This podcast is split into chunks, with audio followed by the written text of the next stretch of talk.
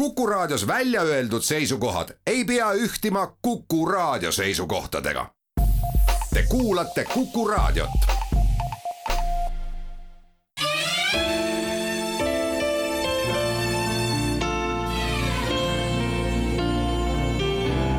nädala raamat.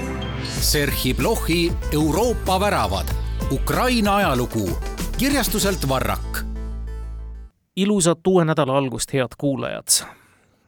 tänane päev, kaheksas mai, on kahjuks Venemaa täiemahulise Ukraina-vastase agressiooni neljasaja kolmekümne üheksas päev. arvan, et ei pane palju mööda, kui väidan, et need neliteist kuud ja mõned päevad peale on paljud meist sisuliselt iga päev elanud ja hinganud või vähemasti osa saanud Ukraina sõjast ja kaasneva nähtusena õppinud ka palju paremini tundma seda suurt ja vägevat riiki, Ukrainat. ta on niisiis pindalalt Euroopa suurim, oma täispiires siin maailmajaos asuv riik. Pole ilmselt valdkonda, mida too koletu sõda ühes oma tuhandete ohvritega poleks mõjutanud. ja see suur sõda on pannud kirjutama ja kirjastama ka mitmeid tekste, mis vast muidu poleks ilmunud või poleks ilmunud just nüüd, sõja-aastatel näiteks eelmisel aastal, kui sõda juba käis, umbes samal ajal tutvustasime Catherine Beltoni kõmulist raamatut Putinist ja tema inimestest. see oli selgelt sõjast initsieeritud ja õigustatult ilmunud raamat. ja nüüd, kevad hiljem, juba sõja teisel aastal, hoiame me Kuku tutvustuslaual käes ja silme ees umbes sama mahukat, üle neljasaja leheküljelist raamatut Ukraina ajaloost väga põhjalikku, üksikasjalikku ja tõepoolest tõhusat lugemist, mille on kaante vahele koondanud ja kokku kirjutanud Serhi Plohhi. ta on tuntud ja tunnustatud ajaloolane, kes neil päevil muide saab kuuekümne kuue aastaseks. Plohhi töötab USA-s Harvardi ülikoolis Ukraina ajaloo isaks loetava Mihhailo Hruštševskoi nimelise Ukraina ajaloo õppetooli professorina Plohhi on viljakas kirjutaja ja eesti keeldegi on tõlgitud mitmeid tema teoseid, näiteks Viimane impeerium, Nõukogude Liidu lõpp ja Tšernobõl, tuumakatastroofi ajalugu. autor elab ja töötab küll aastaid USA-s, aga on üles kasvanud Ukrainas Zaporožjes, mis ka paraku viimaste teadete kohaselt on Venemaa poolt praegu okupeeritud territoorium. ja nüüd siis raamat, ütleks isegi, et kapitaalne teos Ukraina väga pikast ja mitmekesisest ajaloost ühes väga täpse pealkirjaga Euroopa väravad meie selle nädala raamatu on tõlkinud Aldo Randma ja toimetanud on seda Leino Pahtma originaalis ilmus see raamat esmakordselt aastal kaks tuhat viisteist, aga oluliselt täiendatuna veel aastal kaks tuhat kakskümmend üks ja nüüd üsna nobedalt on see viimane trükk saanud ka siis lugemisküpseks eestikeelsele lugejale. head kuulajad, eks muidugi, nagu mainitud, on Ukrainaga seonduvat kirjandust nende sõjakuude jooksul keskmisest rohkem ilmunud, nagu on meie keskel Ukraina lipuvärve ja Ukrainaga seonduvat ka keskmisest rohkem ja eks nende eksponeerijatel on olnud väga palju erinevaid ja teinekord ka vastuvõetamatuid motiive. ja sama lugu on ka ilmunud tekstide ja nende ilmumise otstarbekusega. ning ütlen kohe subjektiivse arvamusena ära, et täna sobiks lugeda või tutvuda just nende tekstidega, mis midagi selgitavad ja mõtestavad ja asetavad ka käimasolevas sõjas asjad oma konteksti aasta eest tutvustatud Catherine Beltoni Putini inimeste raamat andis väga hea selgituse sellele, miks Kremli režiim teeb neid asju, mida ta teeb.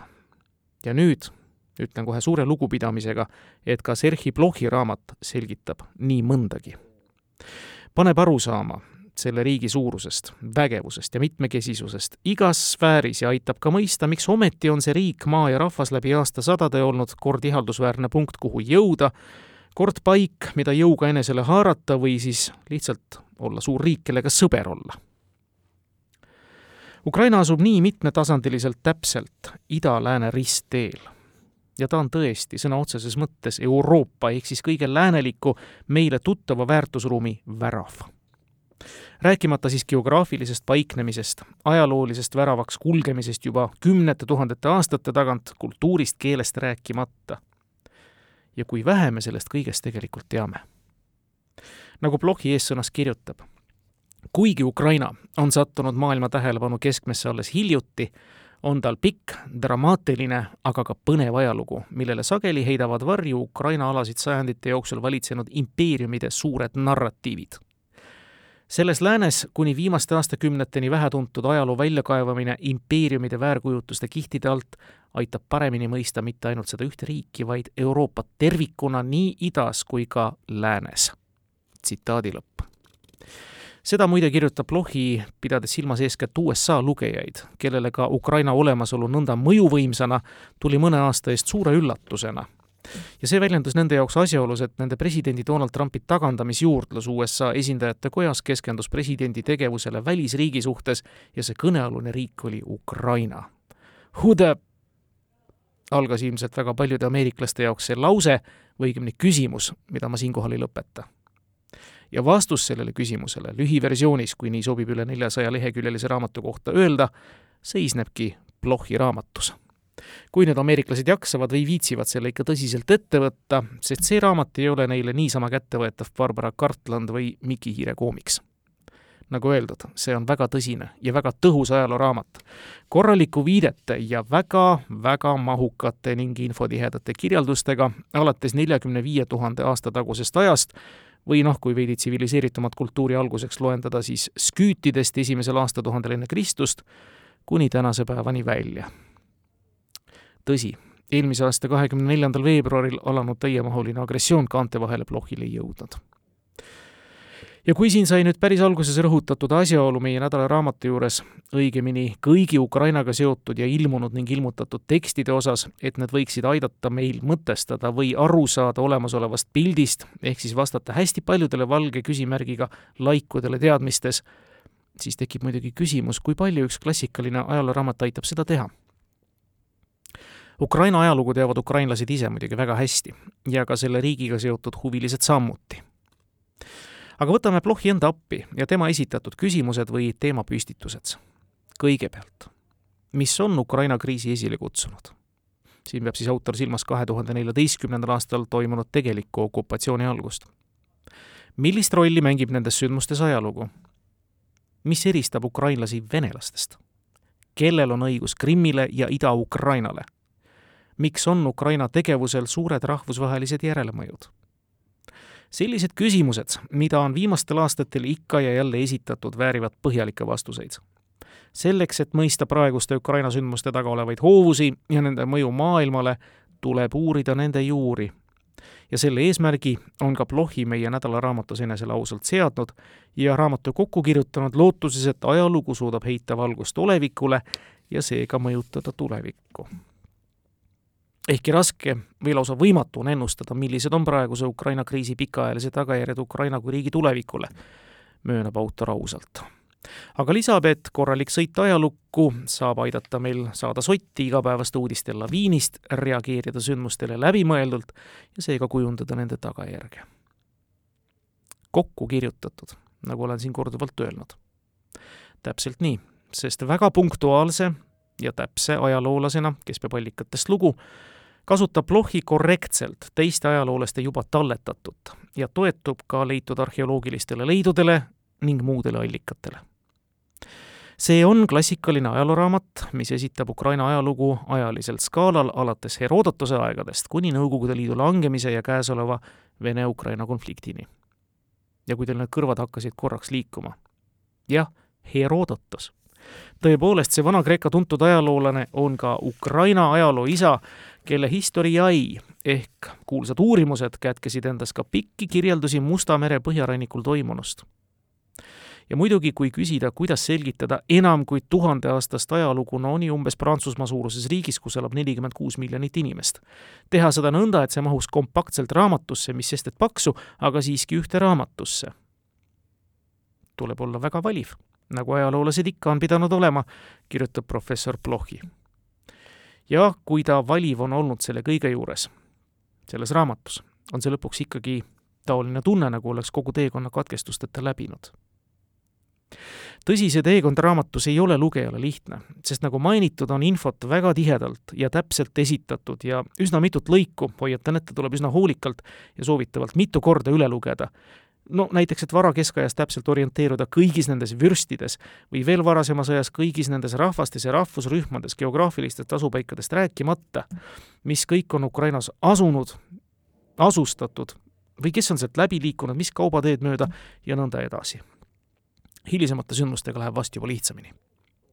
ja selge see, et olemasoleva arginädalaga Ukraina ajalugu, head lugejad, teiega ei kappa. teeme siis ka mõningase valiku, jätkates näiteks homme samal ajal Jaroslav Targaga. head kuulajad, üks olulisemaid ja põhimõttelisemaid sümboleid Ukraina ja tänase agressorriigi Venemaa suhetes läbi ajaloo on olnud üks isik ja tema kujutamise laad kahe riigi sümboolikas. see isik on Jaroslav Tark, Kiievi Russi suur vürst, selle riigi hoidja sõna otseses mõttes, mitte rajaja ega vallutaja Jumala eest just Jaroslav Targale võlgnevad ukrainlased ja venelased suuresti oma kirjaoskuse ja harituse ja sealt ka tema liignimi. oma ideaalseks või ideaalilähedaseks esiisaks peavad teda nii ukrainlased kui venelased ja õigus on mõlemil. küsimus nüüd on, ja see on põhimõtteline, kes olid siis enne või kes kellest või mis millest välja kasvas ja tolles Jaroslav Targa kujutamise laadis koorub see tugeva sümbolväärtusega küsimus eriti reljeefselt esile ukrainlased nimelt kujutavad teda enamasti lopsakate vuntside ja tõelise kasakavälimusega mehena. aga venelased sellise laia habemega, nagu kõiki oma hilisemaid tsaaregi. päris ilmekas, eks ole meie nädalaraamatu autor Serhi Plohhi toob välja, et nõnda eristatakse teda ka kahe riigi erinevatel rahatähtedel, aga see pole päris nii. kontrollisin järgi. Ukraina kahegrivnasel mündil ja sama väärtusega paberkupüüril on ta ikka kujutatud habemega. tõsi küll, märksa napimaga kui Vene tuhanderublasel, kus ta paikneb ausambal.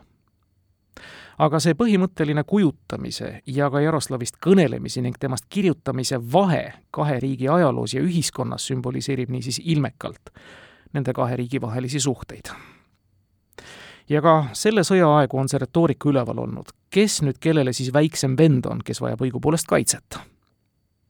ja me peame vaatama nüüd korraks ka Jaroslavist tahapoole. kes olid õigupoolest need, kes ennast püsivamalt Musta mere põhjakaldale sisse alaliselt seadsid ja seal riiki looma asusid? kreeklaste kolooniad olid juba ammugi seal paigas. peale selle tulid ja läksid ning mõned ka jäid igasugused hõimud, näiteks sküüdid, nemad muide olid Pärsia kandist aga tuldi ka Kaukasusest. ja ühel hetkel tulid tänase Ukraina põhjaosa steppidesse, metsadesse ja Prõpjati soodesse need, kelle kohta Kreeka ajaloolane Prokopios kirjutas. pooleldi rändrahvad, kes elas haletsusväärsetes onnides, mille nad püstitasid üksteisest eraldi. Nad vahetasid pidevalt elukohta. Nende sõdalased olid erakordselt pikka kasvu ja toekad mehed Nende keha ja juuksed ei olnud väga heledad ega blondid, aga mitte ka päris tumedad, vaid nad kõik on kergelt punakat karva. Nad elasid rasket elu, pööramata tähelepanu ihulikele mugavustele ja olid pidevalt ning kogu aeg kaetud mustusega. aga siiski polnud nad sugugi alatud ega nurjatud, vaid säilitasid iseloomu kogu selle lihtsuses Need olid slaavlased, kes olid teel Balkanile ja muist neist jäi pidama Dnepri ja Dnestri vahelisele alale ja ühel hetkel, ning see on üheksanda sajandi keskpaigas, ilmusid Dneprile põhjast juba viikingid, kes esialgu küll siinkandis rahumeelselt otsisid kaubateed Bütsantsi ja mõned neist jäid ka pidama. ja viikingeid kutsuti sealkandis russideks. nii et see nimetus, head kuulajad, millega paljud meist täna kutsuvad venelasi ja venelased ka iseendid, tähendab tegelikult Russi ehk Põhjamaade, suure tõenäosusega Rootsi kuninga saadikuid kelledest põlvnes Jaroslav Tark. nagu öeldud, ta polnud selle riigi rajaja.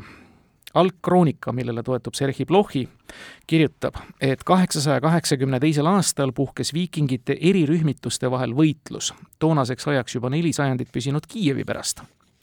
kaks nende pealikku, Askoldi ja Diri, neist esimese hauda on Kiievis võimalik ka siiani külastada, tappis Helgi, keda kroonik tundis Olehi nime all ta vallutas Kiievi väidetavalt siis Roriku ehk Riuriku koja nimel, kes juba siis valitses Suur-Novgorodi. toosama kroonika lausa nõretab erinevatest veristest tapatalgutest rivaalitsevate viikingi hõimude vahel ja tõtt-öelda on ka kohati raske järge pidada, kes nüüd keda maha nottis, aga mis põhiline, see Skandinaavia sugu jäi valitsejana sinna pidama ning tapetud Helgi, keda tuntakse siis selle riigi rajajana, tema järeltulijad, tema pojast Ingvarist ehk Igorist ja omakorda Igori pojast Sviatoslavist ja Sviatoslavi pojast Vladimirist said need, kes suurriiki oma vallutustega laiendasid. Vladimir tõi riiki Bütsantsist pragmaatilistel kaalutlustel ka ristiusu ja ristiusu mõistmiseks tarvilise keele, mille töötasid spetsiaalselt välja kaks kreeklast, vennad Kirillos ja Methodius. ka omaette põnev fakt. Ja nüüd jõuame lõpuks Jaroslavini, kes oli siis üks Vladimiri poegadest ja kandis liignime Tark. see kleebiti talle muide külge alles üheksateistkümnendal sajandil tema oli siis see, kes üldiselt hoidis ja kasvatas oma riigi suureks vaimult tõsi, selle riigi ja trooni hoidmine ja ka sinna jõudmine nõudis muidugi ohvreid, millest siinkohal ei jõua kõneleda. Kui Jaroslavi vanaisa Svjatoslav sai ajalookirjutustes tuntuks nimega Vapper ja tema isa Volodõmõr omandas austava nime Suur, siis Jaroslavile, nagu öeldud, anti lisanimi Tark, kirjutab Blochi ja jätkab. Sama hästi oleks võinud teda nimetada ka seaduseandjaks või ehitajaks, osutades, et tema valitsusaja peamised saavutused rohkem kui veerand sajandi jooksul, aastast tuhat üheksateist aastani tuhat viiskümmend neli, ei olnud võidud lahinguväljal, vaid saavutused rahu ja kultuuri, riikluse ja rahvuse ehitamise valdkonnas. üks Jaroslavi jäädav pärand on tema mastaapne ehitustegevus Jaroslav ehitas Kiievi suure tsitadelli, mille lähedal seisab kuldne värav, kirjutab Kiievi kroonik. tema ehitusprojektidest kõige erakordsem oli aga Püha Sofia peakirik, mis asus väljaspool linnamüüri. katedraal on muljetavaldav hoone, millel on viis löövi, viis apsiidi, kolm empoori ja kolmteist kuplit Kiievi kroonik pidas Jaroslavi teeneks lisaks kirikute ehitamisele ja ristiusu toetamisele ka hariduse ja teadmiste edendamist ta keskendus raamatutele ja luges neid pidevalt, päeval ja öösel, kirjutab too kroonik. ta kogus kokku palju kirjutajaid ja tõlkis kreeka keelest slaavi keelde. ta kirjutas ja kogus palju raamatuid, mille läbi tõelised usklikud saavad õpetust ja tunnevad rõõmu usuharidusest. Just Jaroslavi valitsusega algas Kiievi Russis kirjaoskuse ajastu. võeti omaks kirikuslaavi keel, mis nagu öeldud, pandi kirja tähestikus, mille pühad Kürillos ja Metoodios olid spetsiaalselt loonud kreeka keeles kirjutatud tekstide tõlkimiseks slaavlastele. õpetajad, tekstid ja keel ise tulid Russi muide Bulgaariast, mille valitsejad olid võtnud ristiusu vastu enne kui Kiievi vürstid. Jaroslavi valitsuse ajal, nagu kroonik teda annab, Kiievis mitte ainult ei loetud, vaid ka siis tõlgiti tekste. ja peagi hakati koostama ka algupäraseid kirjutisi kõlab liiga ilusti, et olla tõde, eks ole, aga teisi allikaid meil paraku pole kui too esimene Kiievi kroonik. aga muide, sellele kroonikule järgnes teisigi, mis annab aimu tõesti hariduse levimisest teistessegi Vana-Vene linnadesse ja regioonidesse näiteks Novgorodi õpetlased, kes kasutasid oma teksti alusena peamiselt siis tõesti Kiievis koostatud kroonikat, kirjutavad edasi, et Jaroslav Tark polnud mitte ainult raamatute armastaja ja losside ehitaja, vaid ka seaduse andja pärast Kiievis võimule tulemist tasus Jaroslav Novgorodile, kus ta oli oma isa Volodõmõri nimel vürstina valitsenud, vabadustega, mida sel ei olnud varem olnud. Novgorodi kroonik seostas seda eriõiguste ja privileegide andmist Jaroslavi koostatud seaduskoodeksiga Russi õigus, tavaõiguse kodifikatsiooniga, mis avaldas tohutut mõju Kiievi Russi ja tema järglasriikide õiglussüsteemile me ei tea, kirjutab Blochi, kas Russi õigus koostati tõepoolest Jaroslavi ajal, sest pigem on tõenäoline, et see lõpetati hiljem tema järglaste ajal. Aga kindlasti ei oleks saanud seda teha enne Jaroslavi, enne tema valitsusaega lihtsalt ei olnud Russis haritud inimesi, kes oleksid suutnud midagi säärast ette võtta. ühes seaduste loomise, tarkuse ja iseteadvusega läks ilmselt Jaroslav päris selgelt seda teed, et üha enam eemalduda oma riigikorraldusega eeskujust, Bütsantsist, mis aga Konstantinoopoli kreeklasi väga ärritas. No näiteks usuküsimustes, kus metropoliiti oli harjunud määrama Konstantinoopol, aga Jaroslav jättis selle õiguse nüüd endale. no kas ei ole midagi tänapäevast taas täheldada? ühesõnaga ilus lugu kaugete aegade tagant, mis elab oma elu tänini meie ajaloo teadmistes. Jaroslav ei olnud mitte ainult tark, vaid ka kaval oma paljud järeltulijad saatis ta kas mehele või lasi neid naida teiste Euroopa valitsejate lastega, et traageldada sugulussidemeid üle kogu Euroopa. Tont teab siis, mis eesmärgil. ja umbes sarnasel moel me teame, hilisemast ajast lootis Euroopas rahu hoida ka kuninganna Victoria, kelle järeltulijad on tänini Euroopa kuningakodades tiitlitega inimesed aga kui ka Jaroslavil enesel sama plaan oli, siis ei saanud sellest asja nagu ka õilsast ja õiglasena näinud troonipärilusplaanist isalt vanimale pojale ja sealt edasi kas vendasid või vendade poegasid pidi ja nõnda edasi. Sest tema enda lapsed läksid juba kiskuma ja tõid esile probleemi ning küsimused, millest me alustasime ja kuhu tänaseks jõudnud oleme. nimelt, kas Jaroslav oli siis Vene või Ukraina valitseja? või kui ta polnud kumbagi, siis milline võiks olla tema ja ta alamate tõeline identiteet? raamatu autor arvab, et nende küsimuste arutamise alustuseks on kõige parem keskenduda Jaroslavi surmale järgnenud aastakümnetele. Nimelt lõpetas siis targa surm ühe ajastu Kiievi Russi ajaloos riigi konsolideerimise ja alustas järgmist ehk lagunemist. muide, paralleel Karl Suure impeeriumiga on vaat et identne vähem kui sada aastat pärast oma rajaja Karl Suure surma, kaks sajandit varem, lagunes tema impeerium mitmeks väiksemaks riigiks püsivad troonipärilusprobleemid, võitlused valitseva dünastia seas, kohalike poliitiliste ja majanduslike keskuste tõus ja suutmatus astuda tõhusalt vastu väljaspoolt tulevatele ohtudele ja sekkumistele. nimetatud impeeriumide kokkuvarisemise kaugem tagajärg oli nende poliitiliste ühenduste teke, mida sageli peetakse tänapäeva riikide eelkäijateks. Karl Suure riigi puhul siis Prantsusmaa ja Saksamaa, Kiievi Russi puhul Ukraina ja Venemaa head kuulajad, mõeldes, kõneldes ja lugedes Ukraina ajaloost, ei saa me muidugi üle ega ümber kasakatest. uhketest ja vapratest, enamasti meestest, kes paljudes kangelaslugudes figureerivad. kes nad siis on? omaette rahvus? ei, kindlasti mitte. kõige täpsem määratlus nende kohta oleks vast nii ilus termin kui sotsiaalne rühm mis kindlasti nii mõndagi seletab, aga päris kindlasti veel rohkem küsimusi tekitab. et kes nad siis tegelikult olid ja on? sama küsimuse küsib ka autor Serhii Plohhi meie nädala raamatus, kes pühendanud siin kasakatele palju ridu ning tähelepanu ja omaette peatüki. ja ega vastus sellele küsimusele polegi lihtne. Plohhi pakub omalt poolt välja, et see vastus sõltub vaadeldavast perioodist sest kasakad on Ukrainas tõesti läbi sajandite mänginud erinevat, ehkki võrdselt kaalukat rolli. selle sotsiaalse rühma tekkimise juured on traagilised ja viivad meid neljateistkümnendasse sajandisse, kui Ukraina maa-ala oli pärast pikka mongoli-tatari iket ja mitmeid jagunemisi kuulumas ühelt poolt Poola-Leedu suurvürstiriigi ja teiselt poolt lõunast siis Krimmi khaaniriigi alla. Kusjuures see viimane, Krimmi khaaniriik, ei olnud oma tegemistes väga iseseisev, vaid tohutu suure Osmani impeeriumi vasallriik. ja see jagunemine tähendas muuseas Ukraina maa-aladel elavatele inimestele palju probleeme, milledest üks tõsisemaid oli orjakaubandus. Osmanite impeerium vajas alaliselt vaba tööjõudu, aga selleks ei kõlvanud moslemid, sest islamiseadused ei lubanud neid orjastada ja seega langesid valikust ära Musta mere põhjakaldal elavad nogaid ja krimmitatarlased, ja Osmanite orjatoomisretked laienesid palju kaugemale Musta mere steppides põhja pool asuvatele maadele ja läksid palju sügavamale Ukrainasse ja Moskoovia lõunaossagi kui ainult piirialad. ukrainlased, kes moodustasid Mustast merest põhja pool asuvate steppide piirialade elanikkonna ülekaaluka enamiku ja kolisid viljaotsingutel steppidesse, said Osmanite orjapidamisest sõltuva majanduse peamisteks sihtmärkideks ja ohvriteks, kirjutab autor ja üsna tihedalt nende järel olid muide teisel kohal Krimmist kirdes elavad etnilised venelased.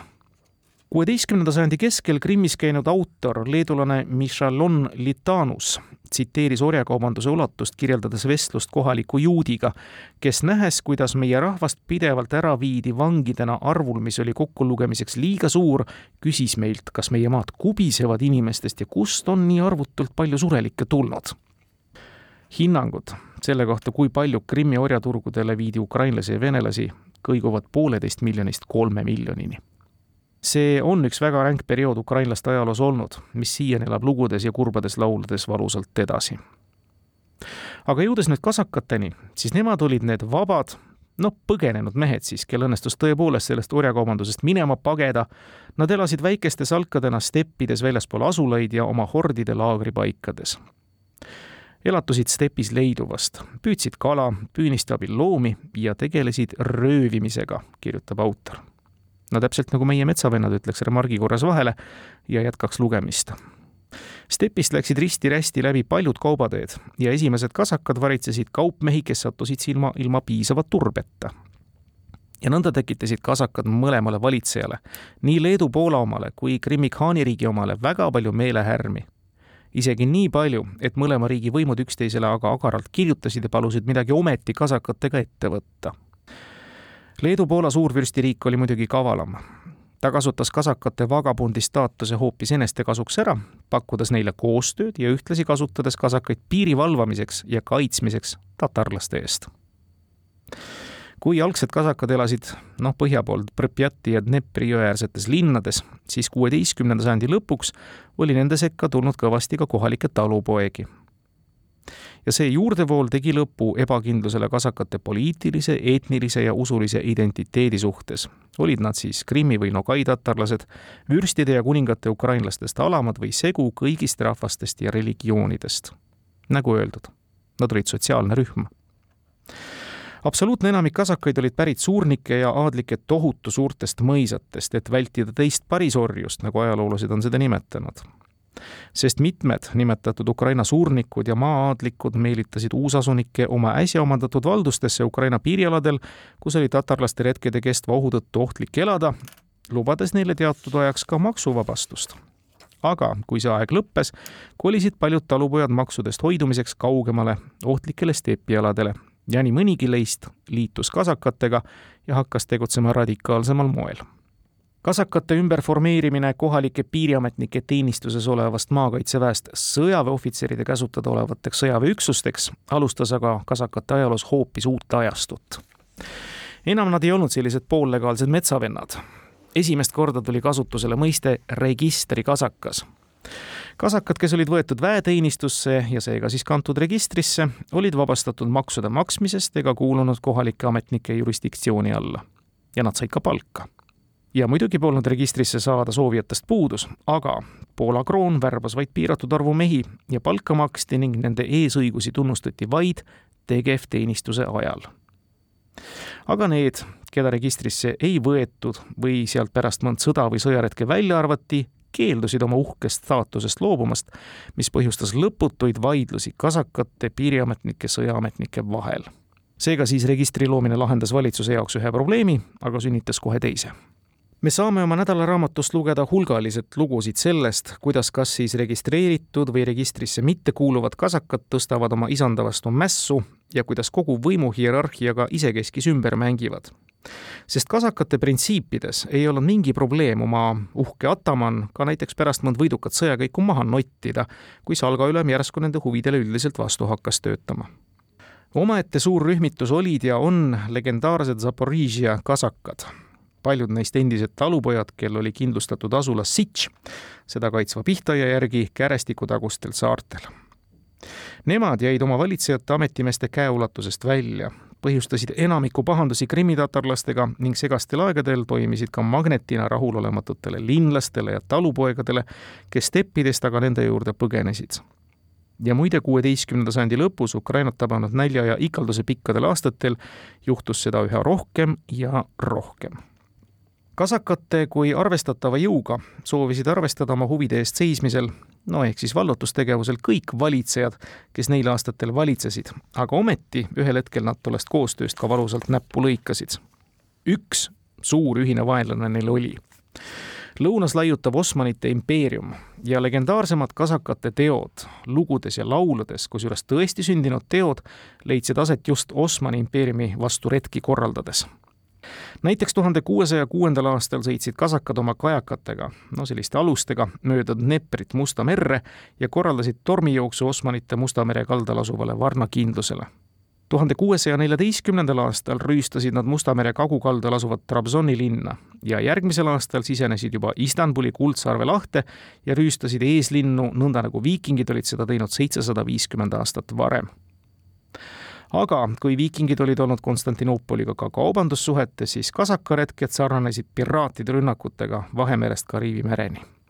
Nemad tulid ikka selleks, et röövida, kätte maksta ja nagu jutustasid Ukraina rahvalaulud, ka selleks, et vabastada kaua kannatanud orje tuhande kuuesaja kuueteistkümnendal aastal ründasid nad Krimmi ranniku peamist orjakaubanduskeskust Kahvat ehk tänast Feodosiat ja lasid kõik vangid vabadusse Pole ime, et Leedu-Poola suurvürstiriik ja põhjast ka Moskoovia pidasid kasakaid endi liitlasteks, ehkki nagu öeldud, need liitlased olid väga tülikad.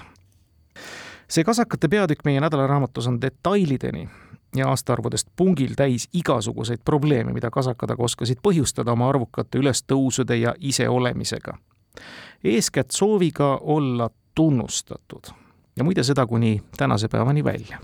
head kuulajad, niisiis ida ja lääne füüsilisel ning kultuurilisel ristteel asuv viljakas ja suur maa Ukraina, Euroopa värav, on tulenevalt oma geopoliitilisest asendist saanud siis paraku kanda seda saatust, et igal sajandil on tema pärast või tema territooriumil tapeldud.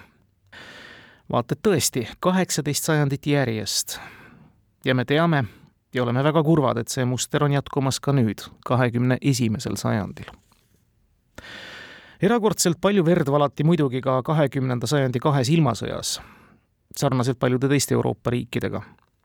aga me teame ju, et Ukraina hädad ainult sõdadega ei piirdunud. see kurikuulus tekitatud, just tekitatud, mitte tekkinud näljahäda ehk holodomor aastatel tuhat üheksasada kolmkümmend kaks, kolmkümmend kolm, mis ilmselt on üks jälgimaid inimtekkelisi ja mittesõjalisi genotsiide ühe rahvuse vastu näljahäda, mis pani äärmuseni viidud ukrainlasi sööma ka üksteist. lihtsalt sellepärast, et oli keegi, kes tahtis taltsutada tõrksaid ja uhkeid, kel siiani oma riiki polnud, aga kes seda väga soovisid ja muide jõudsid ka selle välja kuulutada kahel korral, aastal tuhat üheksasada seitseteist ja korra veel ka tuhat üheksasada kaheksateist Neid fakte muidugi nii palju ei teata, aga meie nädalaraamatu autor Sergei Blohi on tänuväärse töö ära teinud, et teadmatutele seda ajajärku üsna segast muide kogu Euroopas, tutvustada eestikeelsele lugejale peatükis Rahvusriigi sünd. ja litakana kohe näkku järgmine peatükk pealkirjaga Purunenud unelm, mis siis näitab, mis tollest rahvusriigi sünnist sai. aga Holodomoriga korraks jätkates, siis kolm pool kuni viis miljonit inimest lihtsalt nälgis surnuks, ilma igasuguse füüsilise vägivallata kahe ilmasõja vahelisel ajal olid ukrainlased Euroopa suurim rahvus, kelle rahvusküsimus oli lahendamata. Ukrainal puudus oma riik ja tema territooriumi olid omavahel ära jagunud neli Euroopa riiki. bolševike Venemaa ehk Nõukogude Liit, Poola, Rumeenia ja Tšehhoslovakkia. Iga valitsus, mille võimu alla Ukraina territoorium sattus, püüdis lahendada oma Ukraina küsimust isemoodi kasutades selleks erinevaid strateegiaid, alates vastutulekutest kuni mahasurumiseni. kogu kahekümnenda sajandi jooksul oli toonaseks ajaks Ida-Euroopas kaks konkureerivat ideoloogiat ja uskumissüsteemi. kommunism ja rahvuslus ehk natsionalism. Ukraina puhul, nagu paljudes muudeski maades, ei olnud rahvuslus ja kommunism mitte ainult teineteise vastased, vaid otsisid rahvuskommunismi hübriidvormis ka vastastikust kohanemist Ukraina poliitilise ja kultuurilise identiteedi mobiliseerimise eriviiside tulemusena tekkis ka mitu Ukraina rahvusprojekti, mis üritasid asendada sõjaeelse ajastu liberaalseid ja sotsialistlikke projekte.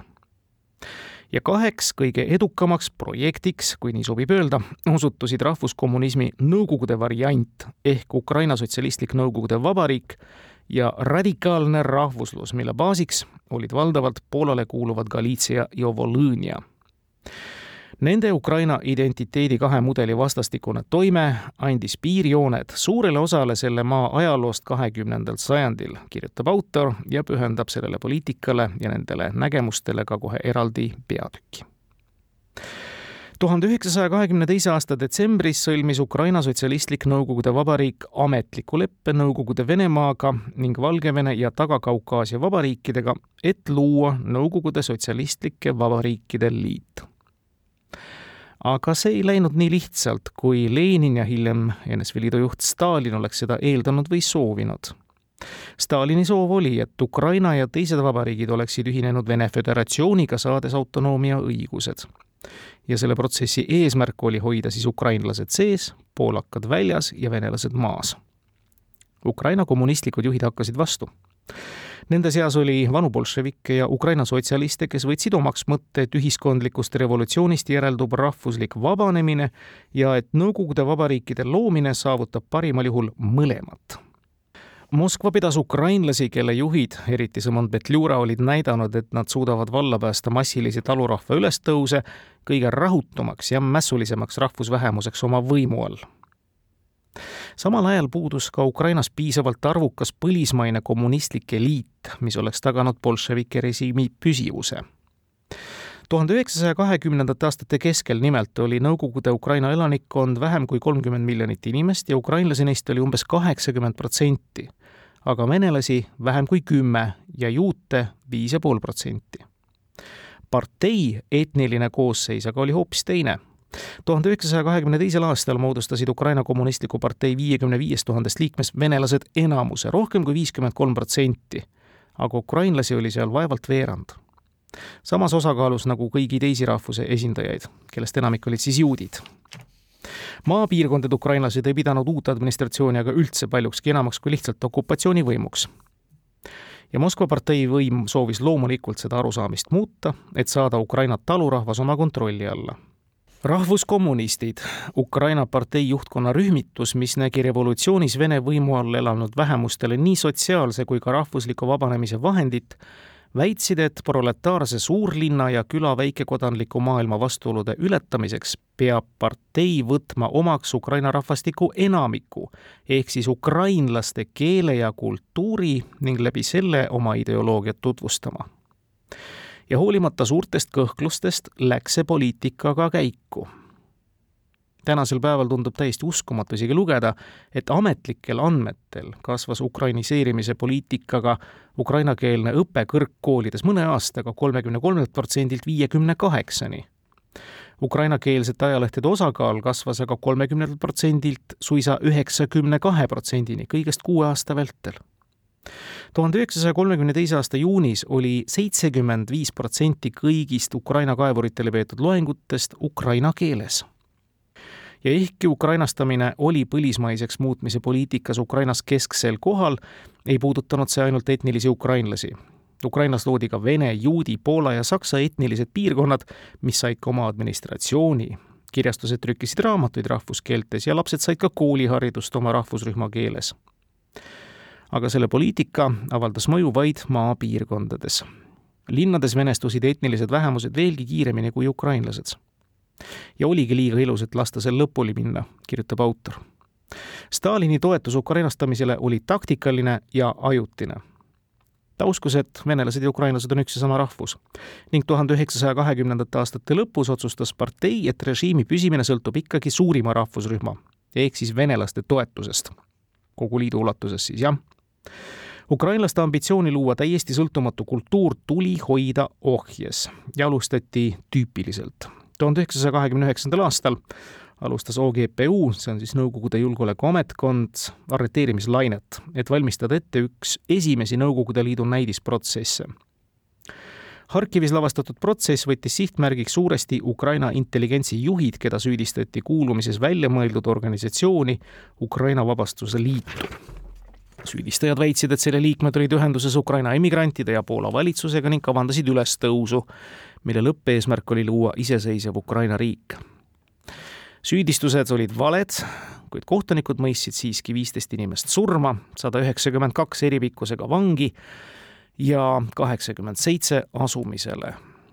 ja kohtuprotsess ründas just vahetult ukrainastamise püüdluse esirinnas olnud vaimuinimesi partei muutis oma poliitikat, andes kohtuprotsessiga märku, et Vene suurriiklikku šovinismi ei peetud enam oluliseks sihtmärgiks, vaid nüüd võeti sihikule just kohalik rahvuslus. ja peagi järgnes ka sama sihtmärki kandnud holodomor. teeme siinkohal korraks pausi, et kiigata ka ukrainlaste saatust teisel pool Nõukogude Liidu piire, just seal Poola poolel, kuhu neid enim sattus loomulikult kordades märksa inimlikumalt, aga siiski ränga okupatsiooni tingimusis tuli toimetada Galiitsias, mis siis Versailles rahulepingu järgi sai Poolale, kus elas viis miljonit inimest, kelledest neli koma neli miljonit olid ukrainlased. ja mitte ainult Galiitsia ukrainlased, vaid ka Rumeenia ja Tšehhoslovakkia võimu alla sattunud läänepoolsed ukrainlased, nende asustatud alad kogesid oma ühiskondlikus ja kultuurilises elus peaaegu kõikvõimalikku rõhumist näiteks Galiitsias olid väga kibedad mälestused veel Poola-Ukraina sõjast värsked, Poola võimud olid sõja ajal ja vahetult pärast seda kinni pidanud seitsekümmend tuhat ukrainlast. ja ega ka ukrainlased võlgu ei jäänud. Nad boikoteerisid piirkonna Poola institutsioone, avasid oma põrandaaluse ülikooli, eirasid Poola rahvaloendust ja loomulikult ka valimisi.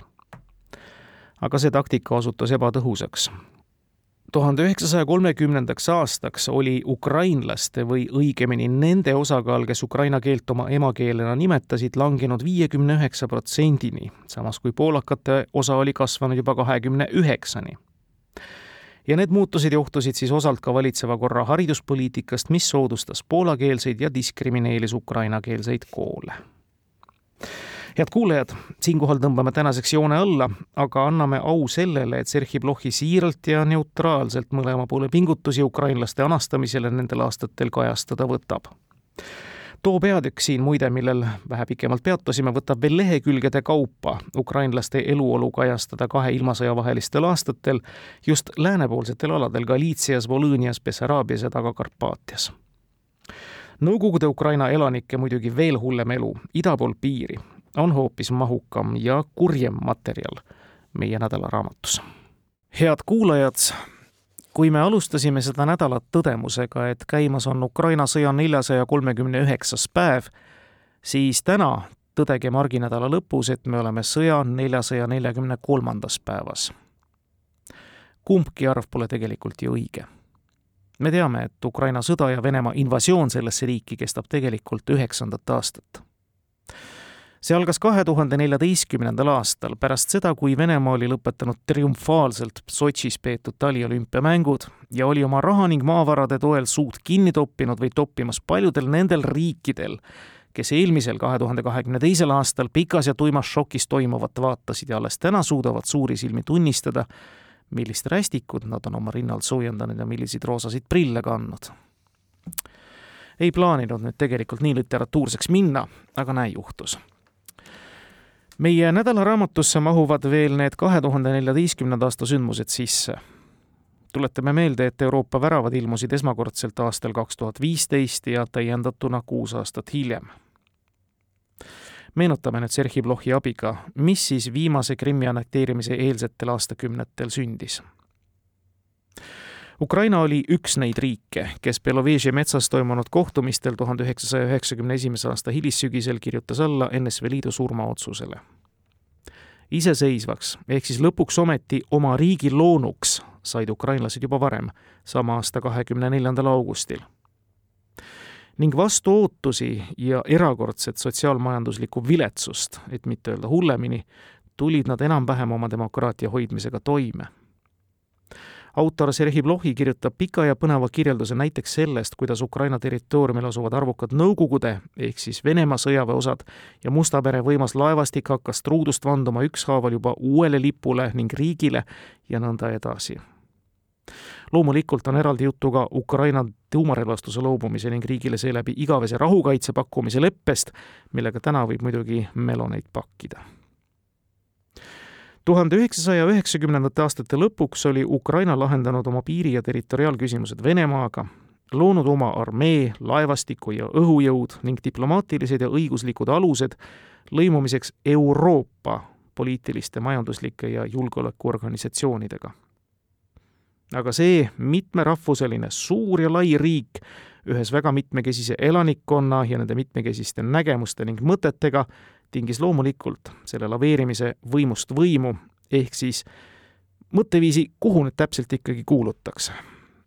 Euroopa värav ikkagi, nagu sätestab ka meie nädalaraamatu pealkiri.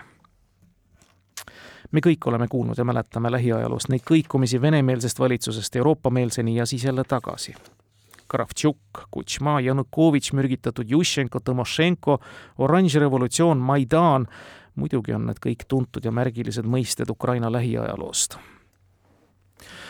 oranž revolutsioon puhkes niisiis ukrainlaste suurest protestist kahe tuhande neljanda aasta presidendivalimiste tulemuste massilise võltsimise vastu, mis esialgsete tulemustega aitasid võimule venemeelse Janukovitši ja pärast massilisi proteste taastas valimiste tegeliku seisu ehk tõi võimule Viktor Jušenko. tulles ajas kümme aastat edasi ehk kahe tuhande neljateistkümnendasse, siis kuidas lugu Maidanini uuesti jõudis? meie nädalaraamatu autor alustab toda peatükki kirjeldusega kahekümne kaheksa aastase Bohdan Sõltšanõki tulekust Lvivist Kiievisse. see ajaloolane, sotsioloog ja noor poeet õpetas Lvivis Ukraina katoliiklikus ülikoolis ning kirjutas doktoritööd Ukraina valimispraktikast kui Sõltšanõk tollel külmal veebruarikuu päeval Kiievi raudteejaamas kõnniteele astus, ei olnud ta ka uurimisreisil. Sest Kiievis ei toimunud valimised, vaid revolutsioon Soltšanõk oli unistanud sellest juba kahe tuhande kaheksandal aastal, kui ta kirjutas luuletuse Kus on minu revolutsioon ja väljendas selles pettumust kahe tuhande neljanda aasta oranži revolutsiooni ajal antud lubaduste pärast, mis ei täitunud.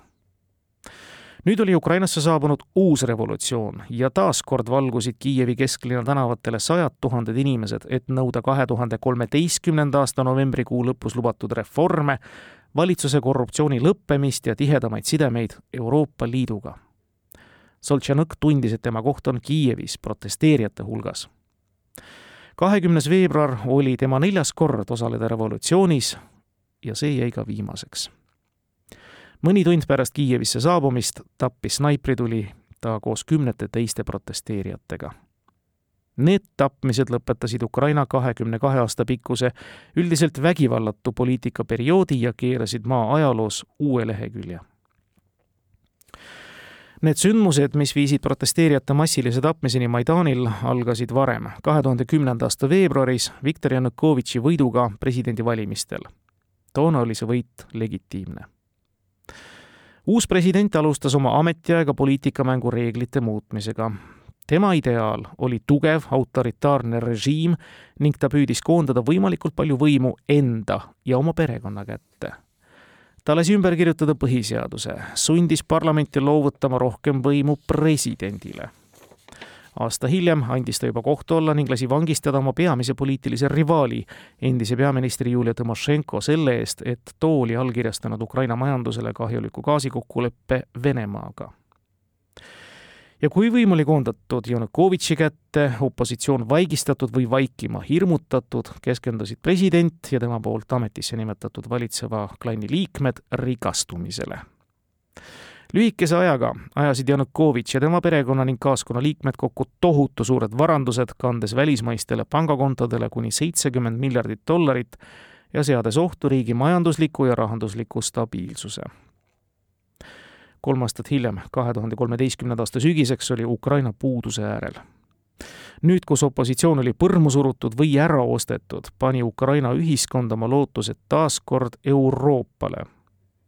juba president Viktor Jušenko ajal oli Ukraina alustanud Euroopa Liiduga assotsiatsioonilepingu läbirääkimisi, mis hõlmasid ka vaba majandustsooni loomist ja viisavabadust Ukraina kodanikele lootus oli, et kui leping alla kirjutatakse, päästab ja tugevdab see Ukraina demokraatlikke institutsioone, kaitseb opositsiooni õigusi ja toob Ukrainasse Euroopa äritavad ja ohjeldab ka vohavat korruptsiooni, mis levis alates võimupüramiidi tipust.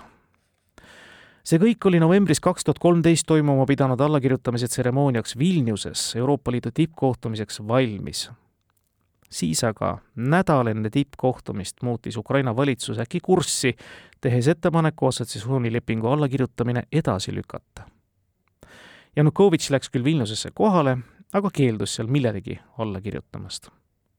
ja kui Euroopa riikide juhid olid lihtsalt pettunud, siis paljud Ukraina kodanikud olid maruvihased, sest valitsus oli rikkunud lubadusi, mida oli antud terve eelnenud aasta jooksul, purustades lootused paremale euroopalikule tulevikule ja nõnda tundsid mehed ja naised ka paljudes varasemates protestides osalenud, kes kogunesid kahekümne esimese novembri õhtul Maidanile pärast seda, kui valitsus oli teatanud oma keeldumisest lepingule alla kirjutada. Janukovitši abid tahtsid teha protestidele võimalikult kiiresti lõpu, et hoida ära uus oranž revolutsioon. kolmekümnenda novembri hilisõhtul ründas politsei jõhkralt Maidanile kogunenud üliõpilasi. ja see oli asi, mida Ukraina ühiskond ei olnud valmis taluma järgmisel päeval tulvas Kiievi kesklinna rohkem kui pool miljonit kiievlast. mõned neist politsei poolt läbi pekstud üliõpilaste vanemad ja sugulased, kes tegid Maidanist ja selle ümbrusest ruumi, kus oldi vabad korrumpeerunud valitsusest ja selle politseijõududest. Sellest, mis oli alanud Euroopaga liitumise nõudmisena, kujunes väärikuse revolutsioon, mis tõi kokku mitmesugused poliitilised jõud alates peavooluparteide liberaalidest kuni radikaalide ja rahvuslasteni. see vägivald jõudis haripunkti niisiis kaheksateistkümnendal veebruaril kaks tuhat neliteist kolme järgnenud päevaga sai surma vähemalt seitsekümmend seitse inimest, nendest kuuskümmend kaheksa protesteerijat tapmised tõid kaasa tohutu muudatuse nii Ukrainas kui ka rahvusvahelises kogukonnas. rahvusvaheliste sanktsioonide oht sundis Ukraina parlamendi liikmeid, kellest paljud muretsesid, et sanktsioonid mõjutavad ka neid, vabanema presidendi surve hirmust ja võtma vastu resolutsiooni, mis keelustas valitsusepoolse jõu kasutamise kahekümne esimese veebruari õhtul, kui parlament oli tema vastu ja mässupolitsei Kiievi kesklinnast kadunud, põgenes president Janukovitši revolutsioonilisest Kiievist. protestijad jäid peale türann oli läinud, revolutsioon oli taas võitnud. mis muidugi ei meeldinud Ukraina suurele naabrile ja tema valitsejale Putinile, kelle käigud siis esmalt Krimmi ja siis juba Donbassi hõivamiseks olid aluseks ja sissejuhatuseks sellele, mida täna siis õudusega näeme head kuulajad, me tõmbame siinkohal oma nädalaraamatu tutvustusele joont alla, tõdedes, et tõepoolest kompaktselt ja hästi on saanud autor suure riigi väga pika ja sündmusterohke ajaloo kaante vahele, andes hea arusaama sellest eelkõige, miks ja mida on too lõviosa oma olemisajast riigid ja rahvas pidanud üle elama. Neid näiteid on muidugi läbi raamatu oluliselt rohkem ja tegelikult iga peatükk või sündmus peatüki sees vajaks omaette tutvustussaadet või isegi sarja et seda kõike nüanssideni teieni tuua. nagu päris nädala alguses tõdesime, aeg on selline, et me vajame ka eestikeelsete lugejatena selgitusi sellele, miks need sündmused sellistena toimuvad, nagu nad toimuvad ja arvaks küll, et pärast Blochi Euroopa väravate läbilugemist saab ka pilt palju klaarimaks